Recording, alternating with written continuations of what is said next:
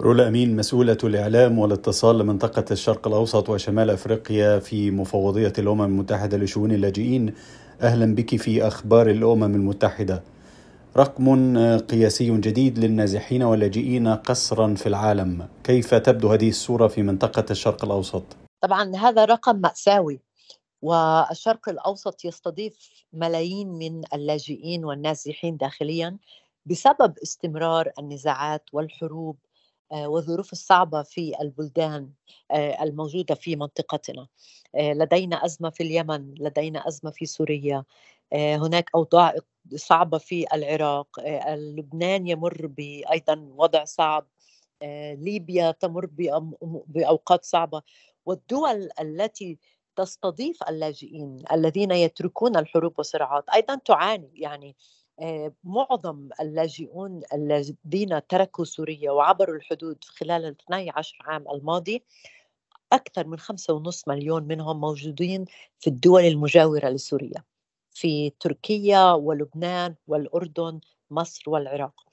وهذا يعني أن هذه الدول التي لديها أصلا مشاكل اقتصادية وتعاني من البطالة والخدمات الأساسية فيها آه، ليست ربما بالنجاعة كالدول الغنية استضافت العدد الأكبر من اللاجئين السوريين وهو ما تحدث عنه التقرير الدول التي تتحمل العبء الأكبر في استضافة اللاجئين هي الدول منخفضة ومتوسطة الدخل ما هي الحلول الأنجح في رأيك للتخفيف عن تلك الدول ومشاركة العبء معها؟ طبعا الحلول يعني على أصعدة متعددة. هناك أولا آه، ضرورة قصوى لاستمرار الدعم للاجئين وللدول التي تستضيفهم في هذه المناطق. آه، للأسف مع كل عام يمر على اللجوء والنزوح الحياة تصبح أصعب بالنسبة للاجئ والنازح وليس أسهل.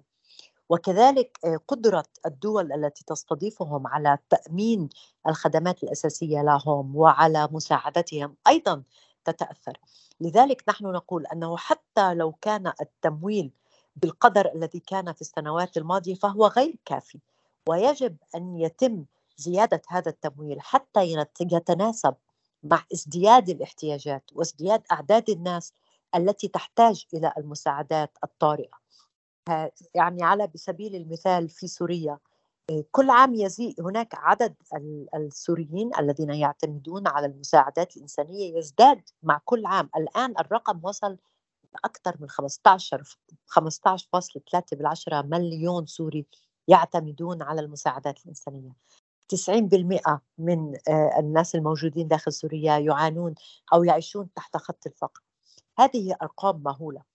لذلك تأمين الاحتياجات الأساسية لهم ودعمهم والاستمرار بالالتزام بدعمهم أمر حيوي ولكن أيضا يجب أن يكون هناك آه، جهود جماعية وجهود جدية لمعالجة أسباب النزوح وأسباب آه، آه، اللجوء وطبعا الأسباب واضحة الحروب والنزاعات. وعلى ذكر النزاعات والحروب هناك صراع آخر نراه في السودان نتج عنه نازحون ولاجئون بمئات الألاف.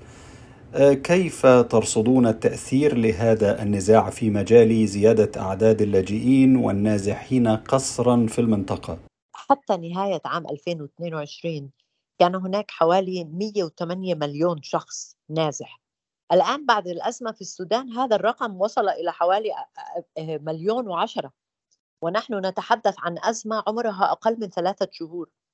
لذلك هذه الأزمة يجب أن تنتهي ويجب أن يوضع الحد لها ويجب أن يكون هناك التزام دولي وجهد دولي للضغط على جميع الأطراف المتحاربة والتي لها تأثير عليها لوقف هذه الحرب الضروس التي شردت مئات الألوف من السودانيين وحتى اللاجئين الذين كانوا بالسودان قبل أن تندلع هذه قبل أن يندلع هذا النزاع.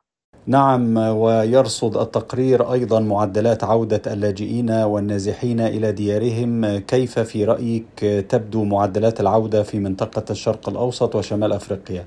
يعني للأسف مدة النزوح سواء النزوح الداخلي أو اللجوء بمعنى الذين يعبرون الحدود أصبحت تطول أكثر.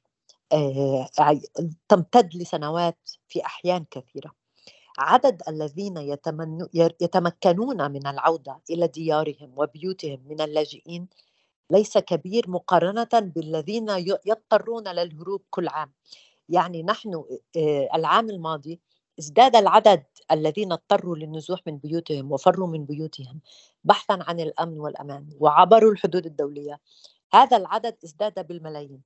ولكن عدد اللاجئين الذين تمكنوا من العودة إلى بيوتهم وديارهم هو أقل من 400 ألف شخص.